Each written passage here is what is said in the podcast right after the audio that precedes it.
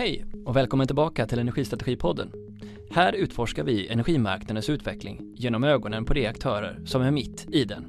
Jag som delar intresset för bättre förståelse heter Niklas Sigholm. Har du någonsin funderat över vart energimarknaden är på väg och vad som påverkar dess utveckling? I så fall är Energimyndighetens långtidsscenarier över Sveriges energisystem en central del av att hitta svaren på frågan. Den sträcker sig fram till 2050 och bygger på en mängd data som myndigheten har över teknik, marknadsförflyttningar, befolkning och beteenden inom energiområdet. Energimyndighetens generaldirektör Robert Andrén hjälper oss att förstå dess innehåll och delvis vilka tolkningar man kan göra utifrån den. Kul att ha er med. Hej Robert Andrén, generaldirektör för Energimyndigheten. Varmt välkommen tillbaka till Energistrategipodden. Tack så mycket, kul att vara tillbaka. Väldigt roligt. Mm. Och ni har ju varit i ropet här den senaste veckan eh, på grund av att ni vartannat år gör en, eh, en större scenarioövning. Ehm, förra gången den kom så var det ju en av de första, vi pratade om det förra gången vi satt i podden, som verkligen markerade det stora skiftet eh, som elektrifieringen skulle medföra. Ehm, den här gången gör du en återblick i introduktionen tillbaka till GSM-tiden och förändringen av mobilnäten och hur genomgripande den förändringen var. Vad var det du tänkte på när du skrev den texten? Alltså jag vill egentligen sätta det här snabba skeendet vi befinner oss i nu med energiomställningen, med samhällsomställningen och egentligen faktiskt hela den globala geopolitiken som håller på att omdanas på ett sätt som vi inte har sett tidigare, tycker jag i alla fall, eh, är perspektiv. Att blickar man bakåt motsvarande tid som vi nu då i de här arbetena blickar framåt eh, så har det hänt otroligt mycket. Det liksom, känns nästan som en svunnen tid. Va? Och då nu med det här så ska vi blicka framåt och eh, det jag vill trycka på egentligen det är ju att eh, det är lite för många som tror att de här scenarierna är liksom prognoser, att det är sanningar det vi presenterar och så, så får vi en debatt som egentligen jag tror är missvis, eh, ja, miss, missriktad i förhållande till hur man ska utnyttja det här arbetet vi gör. Mm. Och eh, du gör också en tillbakablick där du liksom reflekterar över, tänk där vi stod 2018, vem hade sett det här komma då? Um, och, och, jag tänker också på då, det du är inne på i den politiska debatten, så är det ju ändå många i, i politiken, får man väl säga, som gör historiebeskrivningar. Jag, jag, jag tolkar det här som en passus till dig, att det, det, det, ska, vi, ska vi hålla oss från. Förstod jag dig rätt då? Ja, alltså jag, jag, ja, kanske inte riktigt så, men jag tänker att det, det, sker, det sker saker idag väldigt fort som påverkar energisystemet om man tar det som en liksom utgångspunkt. Eh, och, och, eh, jag tror man måste vara lite ödmjuk inför det. Ett annat exempel, jag menar 2018 som, som jag sa, eh, inte var det någon som trodde att vi skulle få en global pandemi eh, eller att det skulle bli krig i Europa igen. Ehm, lika, jag tänker det går snabbt. häromdagen hörde vi helt plötsligt att Tyskland och Italien tvärvände när det gäller beslutet om att eh, förbjuda fossilbilar. Ja, vad innebär det? Det, det, det här kunde vi inte se för eh, bara en månad sedan och det är klart att det påverkar utvecklingen. Mm. En av de sakerna som jag tycker jag mig märka i introduktionen också, eller sammanfattningen av, av er prognosrapport, är den, den just underst, hur ni understryker den ökande osäkerheten som ni också tar höjd för i scenarioarbetet. Ehm, det här, den här utfallsrymden ökar där ni säger i princip att ja, det finns i delar av rapporten skriver ni att det, det, finns betydande trösklar och eventuella hinder för den här elektrifieringen som vi skulle kunna stå inför. Hur, hur har ni resonerat kring det? Eller ska vi tolka det som att så här, ja, vi ser inte de förändringarna manifestera sig på marknaden som behövs för att den här 300 terawattimmarna faktiskt ska bli av? Är jag för vidlyftig i min tolkning eller är det så ni resonerar? Nej, men vad, vad vi resonerar med är att, att eh, på, en, eh, på en väldigt kort tidsrymd så har de aviserade planerna som kräver eh, ett enormt ett ökat elbehov. De kom väldigt kort och snabbt. Och vad vi pekar på är, tycker jag i alla fall, det är ju att ska det lyckas ska det här eh, eh gå så snabbt som nyindustrialiseringen då på eh, liksom företagen vill, då, då kommer det att kräva mängd beslut idag i andra delar av systemet. Eh, och då måste vi ju liksom sätta igång och fatta de besluten nu. Annars kommer ju det påverka eh, den aviserade tidsplanen. Eh, och på det sättet så innebär det också att okej, okay, får vi inte till en ökad elproduktion väldigt snabbt här eh, eller bygger ut näten i vissa delar av landet väldigt fort, ja men då kommer det innebära att eh, det påverkar hur snabbt elbehovsbilden eh, ökar så att säga. Så det hänger ihop va? och det gör ju att osäkerheten är större. Ehm, alltså, och det är väl det vi försöker peka på. Ja, diffen mellan er att ni har då tre scenarier som ni jobbar med och det är det hög elektrifiering, lägre elektrifiering och känslighet industri. Känslighetsfall industri kallar det det. Vad, vad har ni tänkt på eller hur ser du på de här, när ni har tagit de här tre scenarierna? Vad betyder just det här känslighetsfall industri? Ja, känslighetsfall industri, det, det, det, det det innebär ju egentligen att om man tittar på Hybrid och du tittar på Northvolt så är det ju så här att det, det är ju inte ett eller noll utan här ser vi att det här är ju liksom en stegvis utveckling av det här totala behovet. Och det innebär ju att det helt plötsligt kan bli så att du genomför inte hela, eh, hela eh, planen.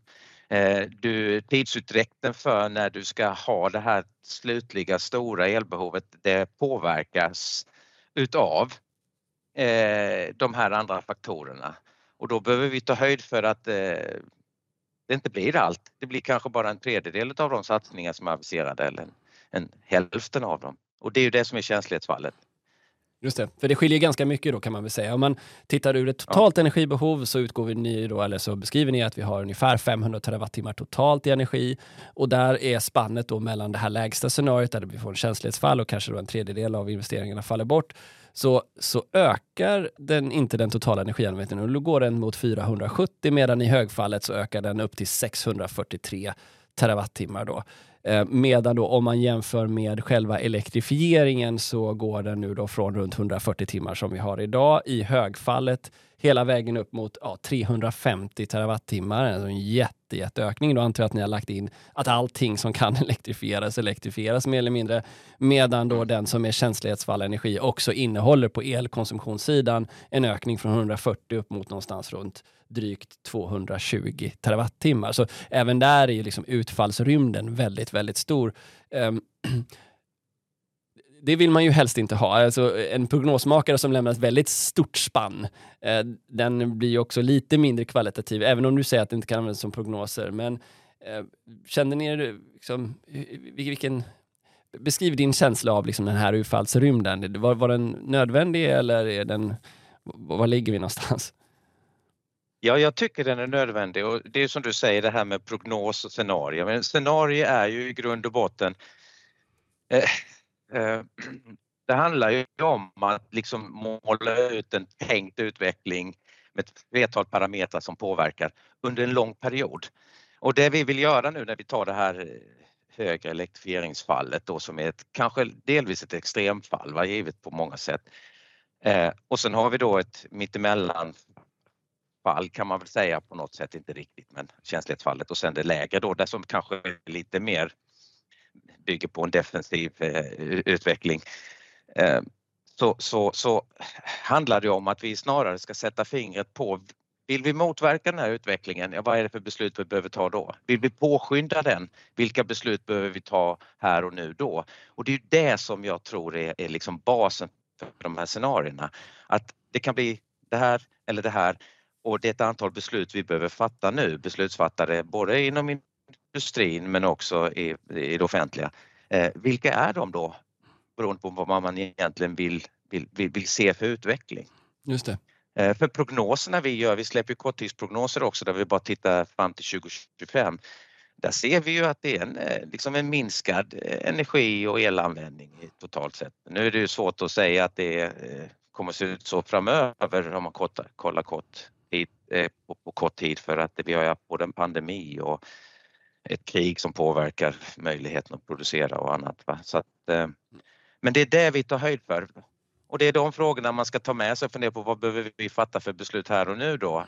Vill vi ha morgondagens industri här i Sverige som kommer att vara mer elintensiv eller vi, tycker vi att det är någonting som vi inte ska stödja? Ja, då är det olika beslut man behöver ta här och nu. Ja, och det ska sägas då att det är ju det är ju stålet som avgör saken här i er prognos också. Ja. Den är hela vägen upp mot över 100 terawattimmar i, i efterfrågan i det höga scenariet. Ehm, med, ner till mot ändå en kanske en 40 i det absolut mest defensiva fallet. Om man jämför det med den, den sektor som har näst mest påverkan, den kemiska industrin, där ni bland annat lägger in e-metanol och annan sådan produktion, så är det egentligen bara en 10, 15, 20 procent på sin höjd av den konsumtionen som eh, som stålet står för. Därefter följer verkstadsindustrin. Så det blir ju en, en faktor påverkar ju analysen otroligt mycket här. Blir det fossilfria stålet av eller inte? Där du bland annat har varit ute och pratat om att ja, den här, de här investeringarna behöver ses i den här nationella kontexten och det finns liksom anledning för staten att fungera på vilket, eh, vilket, vilket stöd som de här behöver. Vad, vad, vad tänker du nu kring den här debatten som har varit om ja, men osäkerheten kring investeringarna och statens roll Eh, Eh, inför dem? Nej, men det jag egentligen eh, har velat signalera det är ju att man, man måste förstå att den här, eh, den här stål, omställningen inom stålindustrin den sker ju idag och den är inte bara i Sverige, det är inte bara Hybrid vi pratar om eller H2GS utan vi ser ju det här ske i andra länder nu som konkurrerar på den globala marknaden med stål.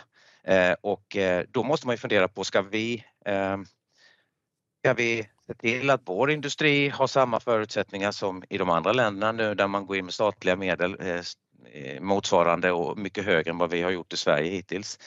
Eller vill man inte det utan man tycker att det där får marknaden sköta. Det är ju det är ett sånt här, för mig, princip, principbeslut man behöver ha.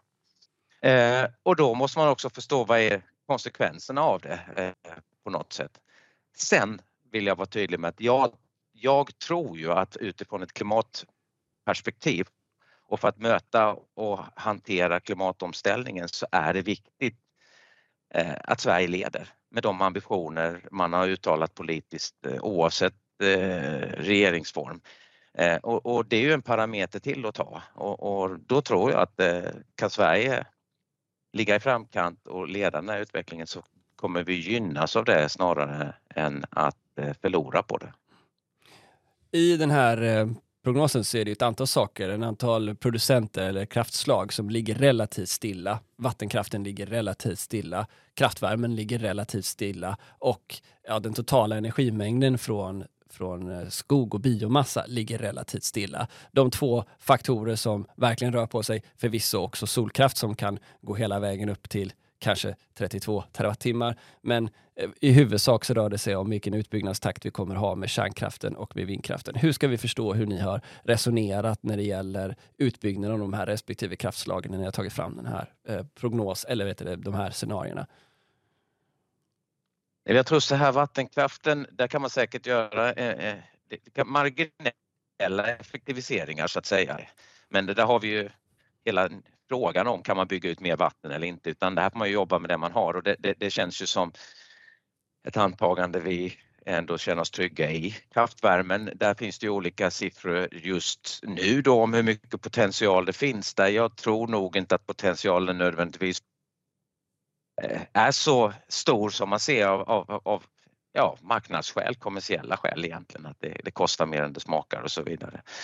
Eh, så att det vi har sett det är ju där vi ser ett intresse för, för investeringar när det gäller nyproduktion och det är ju på kort sikt landbaserad vind, solkraft till viss del. Eh, vilket jag tror, jag säger också, är en... Eh, jag tror att solkraften kan spela en större roll än vad vi har tänkt. Men sen så är den fortfarande inte det någonting som kommer att vara övervägande del i vårt elmix. Och sen så på medel och lång sikt så har vi havsbaserad vindkraft Eh, och eh, eventuellt ny kärnkraft om prisbilden går ihop. Ja, det, det står ju egentligen, vi står inte att läsa någonstans i rapporten vilka antaganden ni gjort om produktionskostnaden för kärnkraften till exempel. Den har ju inte lika många datapunkter att vila sig mot när det kommer till utveckling utan många av de här SMR som ni också lyfter i rapporten är ju i sina tidiga skeden, de första som ska produceras. Vad har ni liksom, hur har ni kunnat eh, resonera och utgå från vad de egentliga kostnaderna för de här kraftslagen kommer att vara eftersom det är också en betydande osäkerhetsfaktor?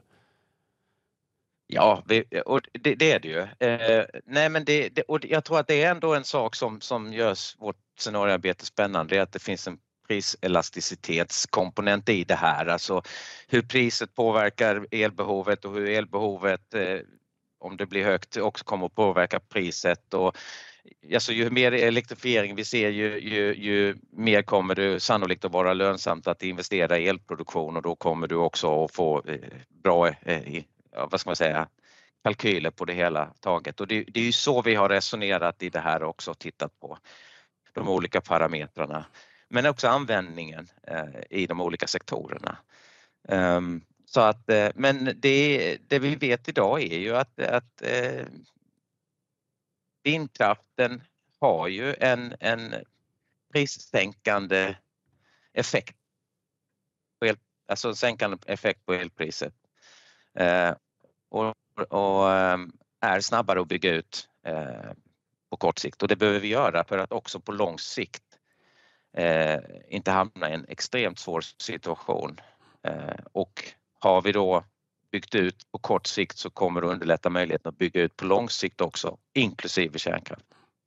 Mm, ja, spännande då. För vi, får, vi får gissa oss till vad ni använder för siffror där då. Men en av de sakerna ni visar på det är att eh, är också att vi har under perioden och spannet egentligen oavsett vilket scenario vi tittar på från 2025 fram till 2045 en rätt så betydande behov av import av el också. Um, hur ska vi, vi, vi, förra året så, så gladde vi oss åt att vara Europas största nettoexportör av el. Eh, medan nu då så pekar ni på att det här kommer inte att hålla. Vi kommer även behöva importera. Eh, vad tror du det kommer ha för typer av effekter på, på synen av behovet? Kommer det ha någon alls kanske? Nej men det är ju det här scenariet där vi då ser ett, vi har ett, ett, ett totalt bränslebyte inom industrin inte minst, även i transportsektorn.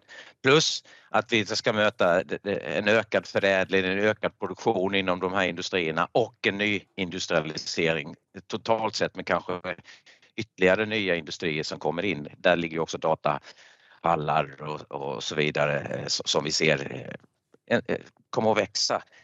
Och, och då kommer ju elen att behövas för att möta det här den inhemska produktionen kommer att behövas och lite till och då behöver vi importera mer i den mån vi inte kan möta behovet fullt ut med en produktion. Och så snabbt tror inte jag vi kan bygga ut vår elproduktion utan vi kommer då i så fall om allt det här faller på plats och det blir den här höga elektrifieringsgraden så kommer vi behöva importera ifrån våra grannländer. Eh, det är ju ofrånkomligt, en, liksom, eh, en ekvation vi kommer att landa i. Men däremot vad vi ser nu det på kort sikt är att vi kommer öka exporten eh, och eh, eh, ja. Men det kan man ju ta höjd för om man är en aktör på energimarknaden, vad det kommer påverka ja. och vilka genomslag ja. det kommer få på marknaden om man nu hamnar i den sitsen. Um, mm, Okej, okay, så det har vi en verklighet att förhålla oss till. En annan sådan är ju att eh, egentligen i alla de här scenarierna så är det ju positivt att eh, antalet, eller mängden olje, kolprodukter och naturgas minskar så betydande. Någonstans mellan 70 till 77 procent och att mängden förnyelsebart är rätt så högt i alla scenarier ändå. Men vi får inte bort allt av, av, av det fossila. Hur, hur ska vi se på det att vi inte vi kan inte få bort allt. Det, det kan ni konstatera fram till 2045, 2050. Det finns en, en, en delmängd kvar i form av propan och annan gas som behövs i verkstadsindustrin till exempel. Ja, eh, Ja, nej, jag kan det, det, är ju, det är ju så, det finns ju en tröghet i systemet också. Eh, eh, och, och vissa typer av processer och så vidare eh, och industrianvändningsområden där finns det kanske inte heller en möjlighet att, att, byta ut de här produkterna hur som helst och det, det tror jag vi ska man får inse också. Sen handlar det om att göra det så marginellt litet som möjligt egentligen. Eh, underlätta bränslebyten, hitta andra lösningar eh, och sen tror jag här finns ju också totalt sett i så fall eh, också frågan om eh, kraven från energieffektiviseringsperspektiv och så vidare. Just det, det är det och CCS antar jag som, som någonstans måste möta upp de här sista mängderna som vi har kvar i systemet. Ja, det, det, det är också det och där är vi också i början av någonting som kan bli möjligt och spännande. Det är ju CCS-utvecklingen och även då eh, men, men eh, återigen, då måste det tas ett stort antal beslut här och nu som på något sätt sätter igång det här, att det blir en, en en mekanism som, som blir kommersiellt möjlig att använda på olika sätt och som blir intressant för aktörerna på marknaden och, och, och bygga sina lösningar på och sina system på. Ja, då tänker jag att du säger så eftersom du ser också vilken tid det tar att utveckla en sådan marknad för att nå den typen av volymer som behövs så behöver vi fatta de besluten nu. Förstår du rätt då? Ja, det, alltså, med tanke tänker jag på de eh, lite längre investeringscykler vi sitter i som, som företag många gånger sitter i att man, eh, man tänker nu här ska vi gå in i det här, är vi beredda att ta risken och, och då är, handlar det ju om att man ska känna en trygghet med de stabila och stabila förutsättningar. Eh, och i, i det ligger ju alltifrån eh, tillstånds eh, och lagstiftningsbeslut och hinder som kan finnas i vägen och sen samtidigt också då att man man känner att man är beredd att ta den risken och att det kommer att gå åt det hållet fullt ut. En, ehm, jag hoppar väldigt snabbt mellan ämnena här. nu. Eh, alla kära lyssnare som vill läsa rapporten, den innehåller många grafer som man kan ögna igenom, man får överblick över det här. Men en av de frågorna som ni lyfter upp då, som är en väldigt stor och betydande del av den svenska energimixen, är trots allt den från biomassa. Och här skriver ni också om att ni liksom är genuint osäkert hur den här marknaden kommer att utvecklas givet hur den politik eh, som vi ser från EU nu kommer att eh, påverka, inbegripa sådant som inlagring i skog och annat. Ehm, det innebär egentligen att eh, det här gröna strecket i er graf, den vågar ni inte heller röra på så mycket upp eller ner i den totala energivolymen. Det innebär att den som eh, procent minskar i de fallen där vi får mer energi, fast från elektrifiering då är det så att ni helt enkelt kände att nej, men alltså, vi vet inte vart det här är på väg, det är bäst vi håller den här hyfsat konstant, för vi vet egentligen inte varken om det kommer gå upp eller ner. Så tolkade jag det i alla fall. Var jag, ute, var, var jag rätt ute då, eller hur, hur, hur skulle du beskriva det? Ja, men det är ju ett antal faktorer här, inte minst de, även de politiska faktorerna som spelar roll nu. Vi ser ju att beslut eh, snabbt ändras som påverkar hur man ser på bioenergi, biobränsle, biomassa. Eh, och eh, eh, ja,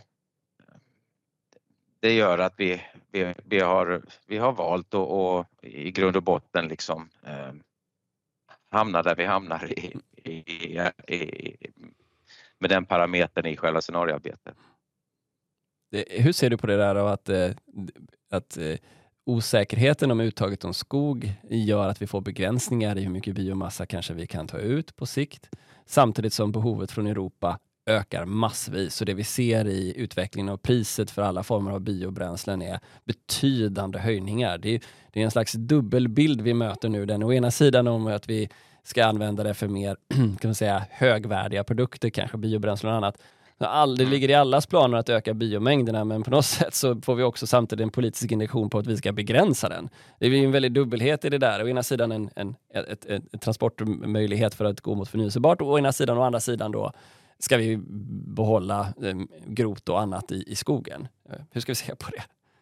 Ja, nej, men det, det är ju en sån där, det här måste man ju våga, det, det, på något sätt måste man våga sätta ner foten och fundera på vad gör bioenergin, vad gör biomassan störst nytta i omställningen som vi eh, behöver göra i samhället? Eh, och man behöver prioritera. Ska vi använda det till transportsektorn? Ska vi använda det till eh, till andra sektorer och vilka delar inom transportsektorn är det flyg som ska ha det i vägtrafiken?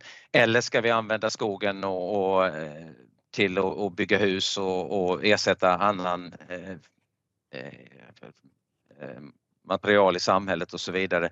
Och här finns ju, som du pekar på, en, en väldig kluvenhet i hur det ska ses som. Eller ska vi bara ha det som en, en en, en, ska vi säga det, en, en, en, en koldioxiduppfångare så att säga. Så att, eh, jag kan inte svara mer på hur vi ska, men någonstans måste man fatta besluten om hur man vill använda biomassan på bästa sätt för eh, samhällsomställningen, för klimatomställningen, men också från svensk perspektiv då eh, och eh, vår industri och våra behov som vi har också utav kanske export av varor och produkter. En av de här aspekterna som du lyfter nu då, som eh, också återkommer i rapporten, är den om energieffektivisering och produktivitet i energisystemet.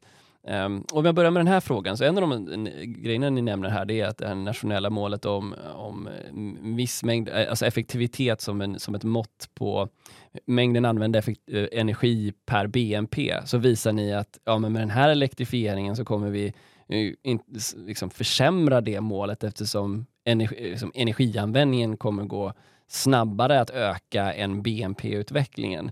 Och det är ju en liten bubblare, det där att eh, ni indirekt ifrågasätter om det är ett vettigt mål att ha på energieffektivisering som jag tolkar det. Eh, ja, ni beskriver ju att så är det. Hur ska man se på det? Är det fel mål vi har eller? Ja, men eh, det ska jag inte säga att, att det nödvändigtvis är, men däremot måste man ju fundera på om vi nu sett under flera år och även i vissa av de här scenarierna eller nästan alla scenarierna ser att, att vi kommer inte att nå det målet. Då måste man ju ändå ta, ta beslut om att antingen öka och vidta åtgärder för att nå det. Eller så måste man ju fundera på om målet är rätt och rimligt och relevant att ha. Eh, och det är ju, det är ju, det är ju en politisk fråga eh, att ta det beslutet om vilket mål vi ska ha för energieffektivisering.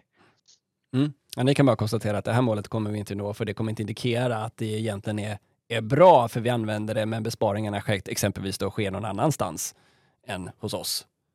Ja, det här är ett, tycker jag, väldigt relevant och rimligt eh, eh, exempel på varför våra scenarier är viktiga att, att titta på.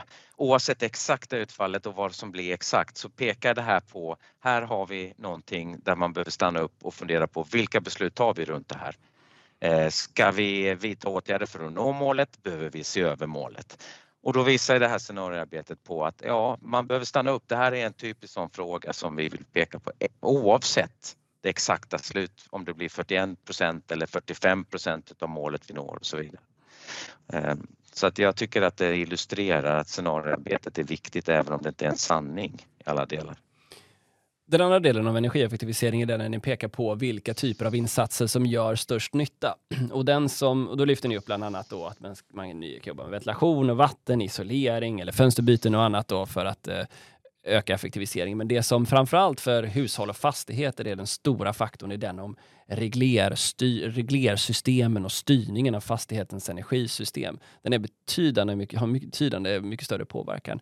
Är det här också en passning och en koppling in till det vi ser nu i vad gäller fastigheternas jag menar, ökande roll också, bidrag in i energisystemet? Eh, eller hur ska man se på det? Ja, det är det. Det är en klar passning. Det finns, där, vi har enorma potentialer i, i den delen, i den sektorn så att säga. Eh, bebyggelse, bostäder och annat. Att, att göra mycket smartare cirkulära lösningar. Att fundera på hur man eh, mäter, följer upp eh, användningen av energin på olika sätt och ser till att man eh, också faktiskt påverkas utav lite mer utav eh, prissignalerna. Eh, så här, det, det, det, och här är det ju glädjande att se att det sker eh, en hel del. Åtminstone att de pratar på ett helt annat sätt idag, de stora aktörerna som Vasakronan, Castellum och många andra. Så det är det. Vad är din spaning kring det här med energigemenskaper och fastighetens, liksom, fastighetsägarnas allt större önskemål om att ja, men få bli belönade för den kapacitet de kan bidra med både på el och värmesidan? Ja, men jag tycker det är fullt rimligt. Om vi nu har en situation som vi har haft nu, eh, som vi, när kriget satte igång, gaspriserna stack och vi såg att det fick de effekter det fick på prisbilden och, och på, på till, till viss del effektfrågan också i, i, Sverige så då måste vi börja fundera på vad kan vi göra själva och, och vad är det de lågt hängande frukterna och jag tror att det finns en hel del här. Eh, för att undvika att hamna i sådana situationer igen. Det här är kanske inte över. Vi vet inte vad som händer nästa vinter beroende på gassituation och krigets utveckling och så vidare och, och världsmarknaden eh, när det gäller LNG inte minst. Eh, så att ja, eh, här, jag ser eh, att det offentliga bör underlätta eh, för den typen av initiativ. Lagstiftningen måste bli belönande för de som vill gå före och bidra till system tjänster. Mm. Även i det lilla så att säga. Ja, det pågår ju en debatt just nu om, om tolkningar av hur Energimarknadsinspektionen har skrivit ner i propositionsförslaget om, om, om vem det är som ska stå för vilken typ av obalanser. Det här blir onekligen en mer, ett tidigt tecken på hur energimarknaden blir allt mer komplex att förstå sig på. Ja, ja, så är det ju.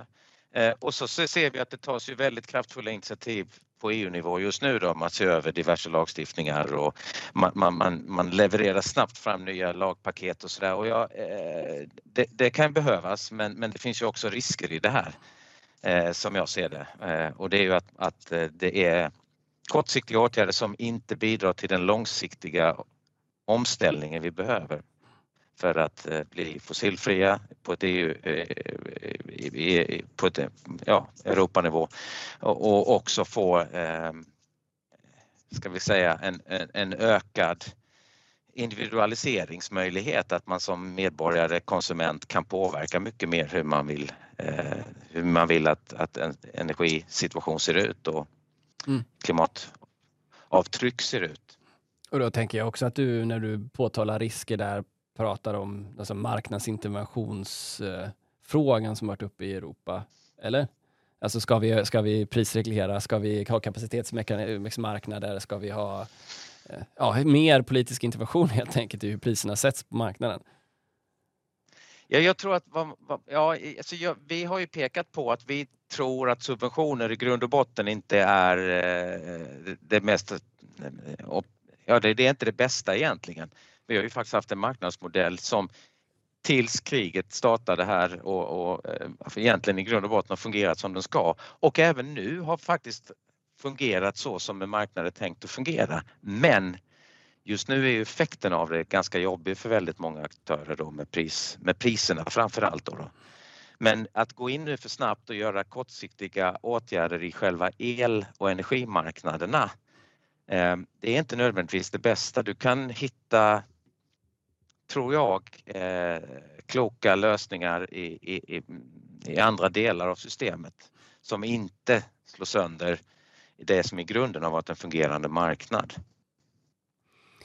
Jag hoppar över till nästa spåret som ni har så många. Det är den om transportsektorn där ni också ägnar en stor del av rapporten åt att eh, liksom resonera om vad som är på gång. Och där där är det ju i de olika scenarierna olika grad av elektrifiering, men egentligen oavsett hur man vänder och vrider på det så tittar man på de siffrorna som ni producerar angående hur mycket bensin och diesel, övriga bränslen och el utgör av den totala marknaden så är det en snabb nedgång på framförallt dieseln men också bensinen fram till 2040. Um, ehm, ja, den, den är väldigt snabb. Det är verkligen en omställning ni visar på här. Ja, så är det och det är ju ett scenario då man jobbar med att det går så där fort att det kommer att bli en extremt snabb utveckling på, på, på, inom transportsektorn och då, då är det det här som blir konsekvensen av det. Ja. Eller effekten av det, det positiva och... Mm.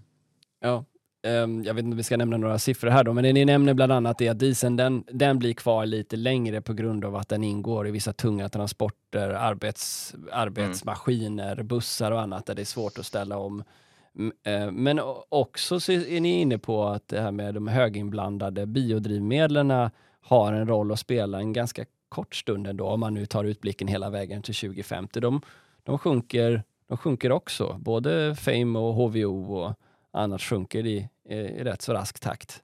Ja, Nej, men det, det, det är ju en, en, möjlig utveckling här om det går väldigt fort nu. Då. Men de kommer ju vara... Väldigt,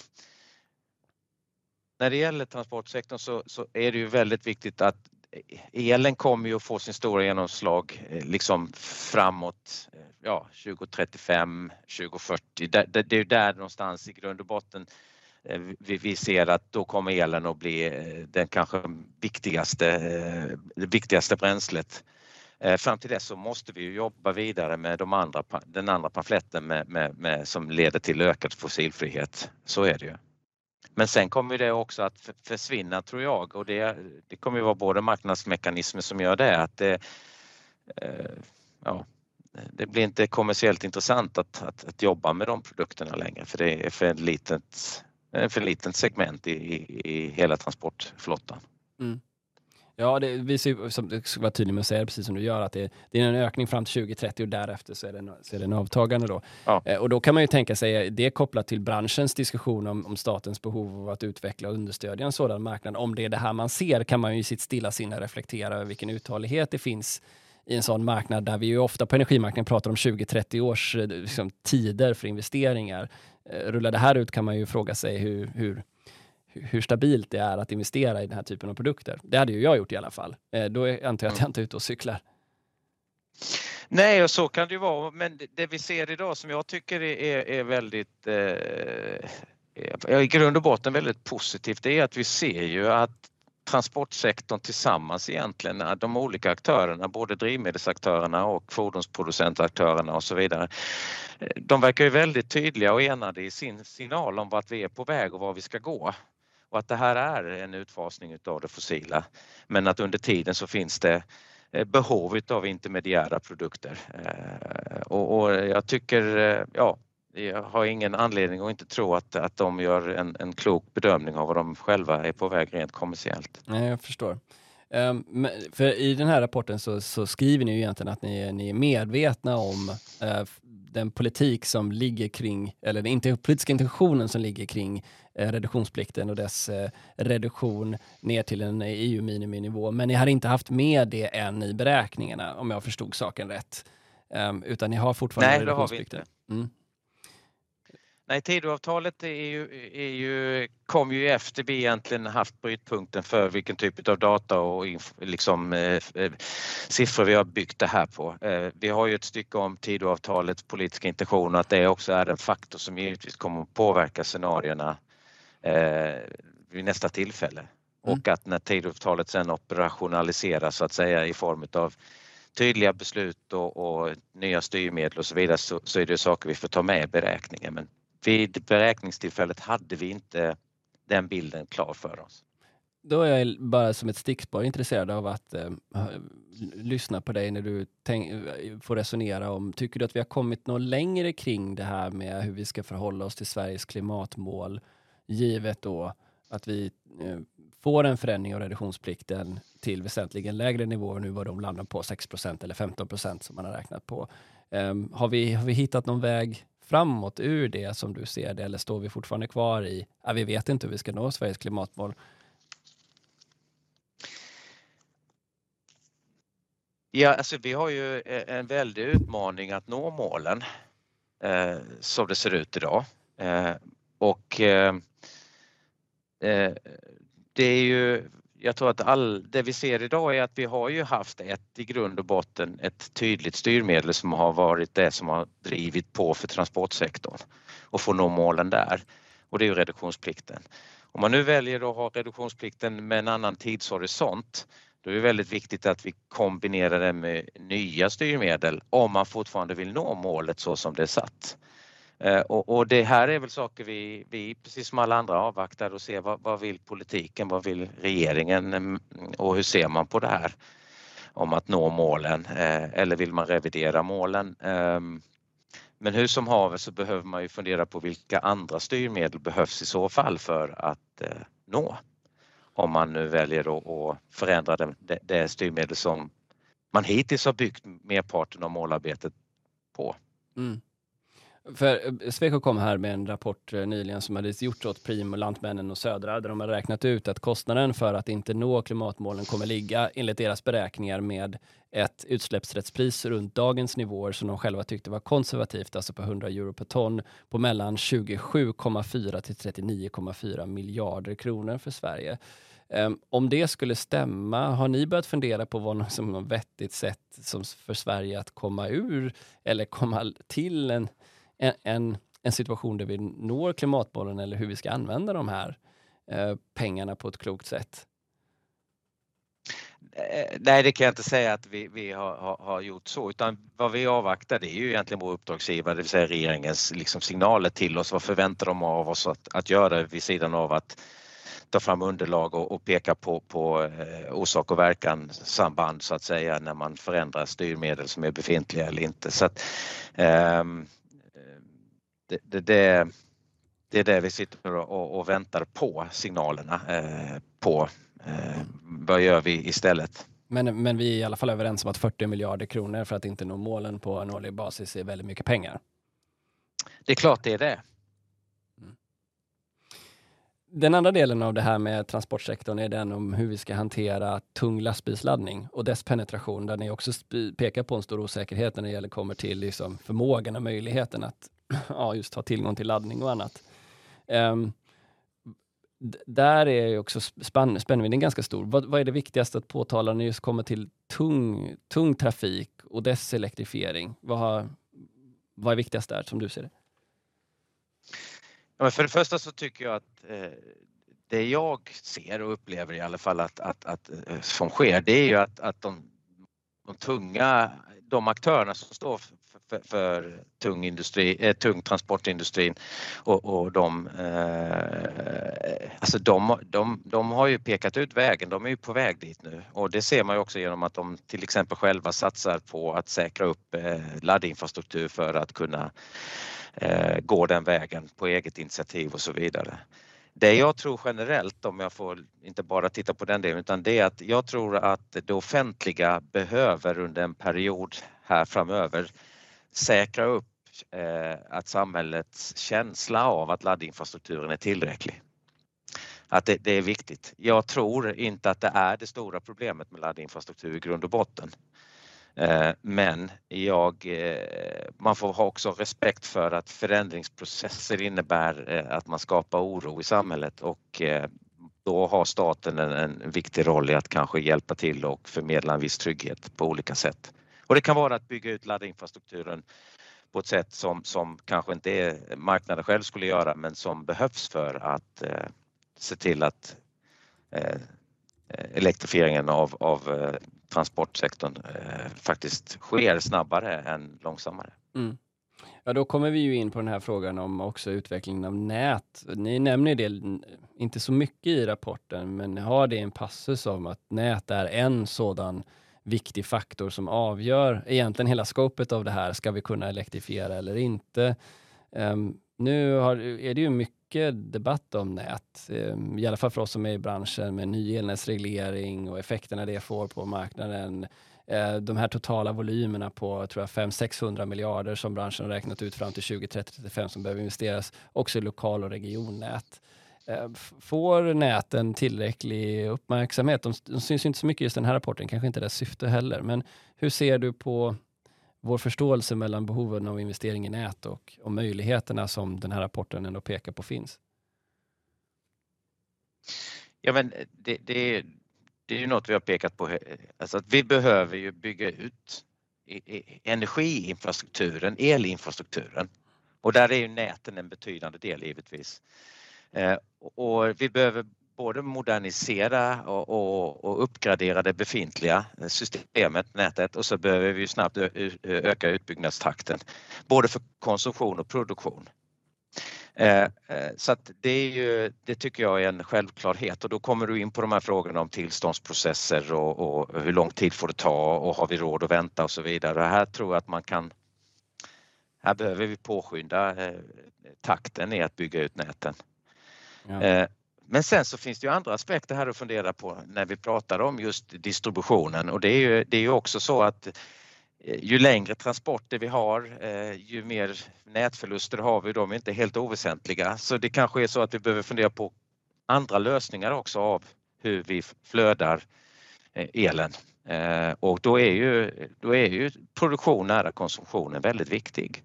Och då då kanske man inte behöver bygga allt för mycket nät utan man kan hitta andra lösningar eh, ja, det... i systemet. Va? Ja. Ja, jag noterade bara att Strålskyddsmyndigheten, eh, jag vet inte om man ska kalla det för rekommenderade, men, men eh, skrev i alla fall till regeringen att man borde eh, frånta det kommunala vetot när det gäller till byggandet av, av exempelvis kärnkraften, som det inte går liksom att, att lämna det. Det måste vara centralplanerat. Det är ju rätt intressant. Eh, men du behöver inte kommentera just det, det var mer en intressant information som dök upp i flödet här under veckan. Den andra delen är ju där EU kommer in på när vad vi pratar tillståndstider, där, där förslaget från kommissionen är ju att kraftigt minska tiden för tillståndsprövning. Alltså 1000 megawatt får inte ta mer än ett år och mindre projekt ska ta nio månader det är ju eh, långt ifrån där vi befinner oss idag. Robert, hur, hur, hur ska vi tänka kring ett sådant förslag som kommer från kommissionen? Därtill då i det förslaget att, att det ska samlas till en central myndighet. Um, är det bara jag eller inte det en chock in i svenska systemet givet var vi befinner oss i med tillståndstider som sträcker sig bortåt en 10-12 år? Jo, och frå jag tror så här, vi kan skära en, del i, eh, en hel del i, eh, i liksom de tidsutdräkter vi har i Sverige idag. Eh, och det kan vi göra utan att få får en ny EU-lagstiftning som, som, som trycker på. Eh, det finns lågt hängande frukter jag tror också att det är viktigt att vi får till det som jag nu upplever att, att man börjar jobba väldigt mycket mer systematiskt med, det vill säga tidig samplanering. De aktörerna som berörs när det gäller utbyggnad av nät och så vidare, att man träffas tidigare, pratar ihop sig. Och då har vi också sett väldigt lyckade exempel på i norra Sverige, inte minst att man, man, man man, man minskar överklagandeperioder, du får en större förståelse på varför det här ska ske och så vidare. Där ligger en stor del som kan, tror jag, trycka ner tiden. Tillstånden, hur vi bedömer och ger tillstånd ska ske parallellt och inte kronologiskt. Sen får man inte glömma bort att när EU-kommissionen lägger de här förslagen så är det för att hantera liksom 27 länders olika system och utgångspunkter. Det behöver inte betyda att vi anammar det exakt på det sättet om det inte liksom föreskrivs på det sättet och det hoppas jag inte att det görs utan att vi kan jobba. Men vi måste jobba på själva och visa att det, det inte behövs med den här typen av reglering utan vi, vi kan faktiskt sköta det här själva. Eh, men då är det upp till bevis för oss som land och alla aktörerna som är inblandade i det här. Jo, min fråga till dig är så här. Har du, vi har ju pratat mycket, både SVK och Energimarknadsinspektionen har ju pratat om att ledtiderna för ett nya tillstånd ska halveras. Det känner väl du också igen? Ja. Har du sett några siffror på antingen från Energimarknadsinspektionen eller Svenska kraftnät på hur det går eller vad de utgår ifrån? Har du sett någon data på den här diskussionen som trots allt varit i liv i tre, fyra, fem år? Hur det egentligen står till med den målsättningen mätt i faktiska månader som det tar för ett genomsnittsprojekt? Uh, nej, inte, det, nej, inte på det sätt som uh man hade kunnat förvänta sig från en industri som säger vi ska halvera vår ledtid och så tänker man att då går det från ett år till sex månader så får man uppföljning på det. Ja, och jag, så här ska jag säga också för att jag tror att det är en balans. Jag tror eh, det finns en risk att vi lägger för stor tilltro till att bara vi kan skära lite i tillstånden, det kan handla om två år kanske eller någonting i en totalt sett process, så är vi hemma. Och det vill, jag, det, det, vill jag i alla fall vara tydlig med att det tror inte jag. Jag tror att det är en liten del. Men ska vi få ner ledtiderna för att bygga en, ut eldistribution och ny produktion och kunna koppla på ny konsumtion som är viktig kanske för sysselsättning och annat i delar av landet då, då behöver vi jobba på ett annat sätt. Och det, vi behöver också se över det befintliga. Hur jobbar man mellan det lokala elnätsbolaget, det regionala och Svenska kraftnät? Vad finns det att hämta hem här? Eh, hur gör vi med den kapacitet som finns där ute? Eh, och det tror jag är, är minst lika viktigt som att ta bort ett antal år ifrån själva lagprövningen. För att det är ändå så att vi är en rättsstat och någonstans måste man också fundera på balansen går i hur mycket man kan tulla på lagstiftning, hur mycket man kan tulla på andra intressen i samhället och hur mycket tillståndsprocesserna ska, ska ensas. Det, det där är en delikat balans. Eh, så. Okej, okay, men avslutningsvis då. Den här eh, rapporten gör den att förhoppningsvis att ni står på en lite högre kulle när ni blickar ut över framtiden. Vad, eh, vad, var din, eh, vad är din känsla nu när ni har presenterat den? Vad skulle du säga du blickar mot för framtiden? Du har ju nämnt lite grann att du tror att efterfrågan fortsätter leda över tillgången till exempel. Um, vad, är, vad, är din, vad är din känsla? Jag vill jag far efter.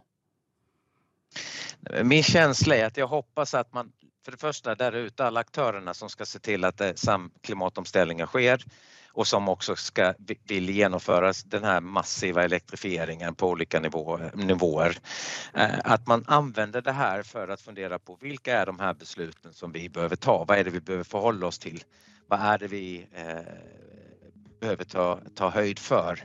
Det, det hoppas jag och tror jag att den här rapporten kan hjälpa till med. Och det är vår förhoppning. Uh, och det, det, ja, tyvärr så är det väl så att det här scenariet kommer att, vara helt annorlunda imorgon när ett nytt politiskt beslut har tagits i, i USA eller i EU eller i, i svenska riksdagen. Va? Men, men det är fortfarande så att det här är de stora trenderna och då behöver man fundera på vad man agerar. Robert, tack så hemskt mycket för att du tog dig tid att vara tillbaka i podden. Tack så mycket Niklas, tack för möjligheten att vara med.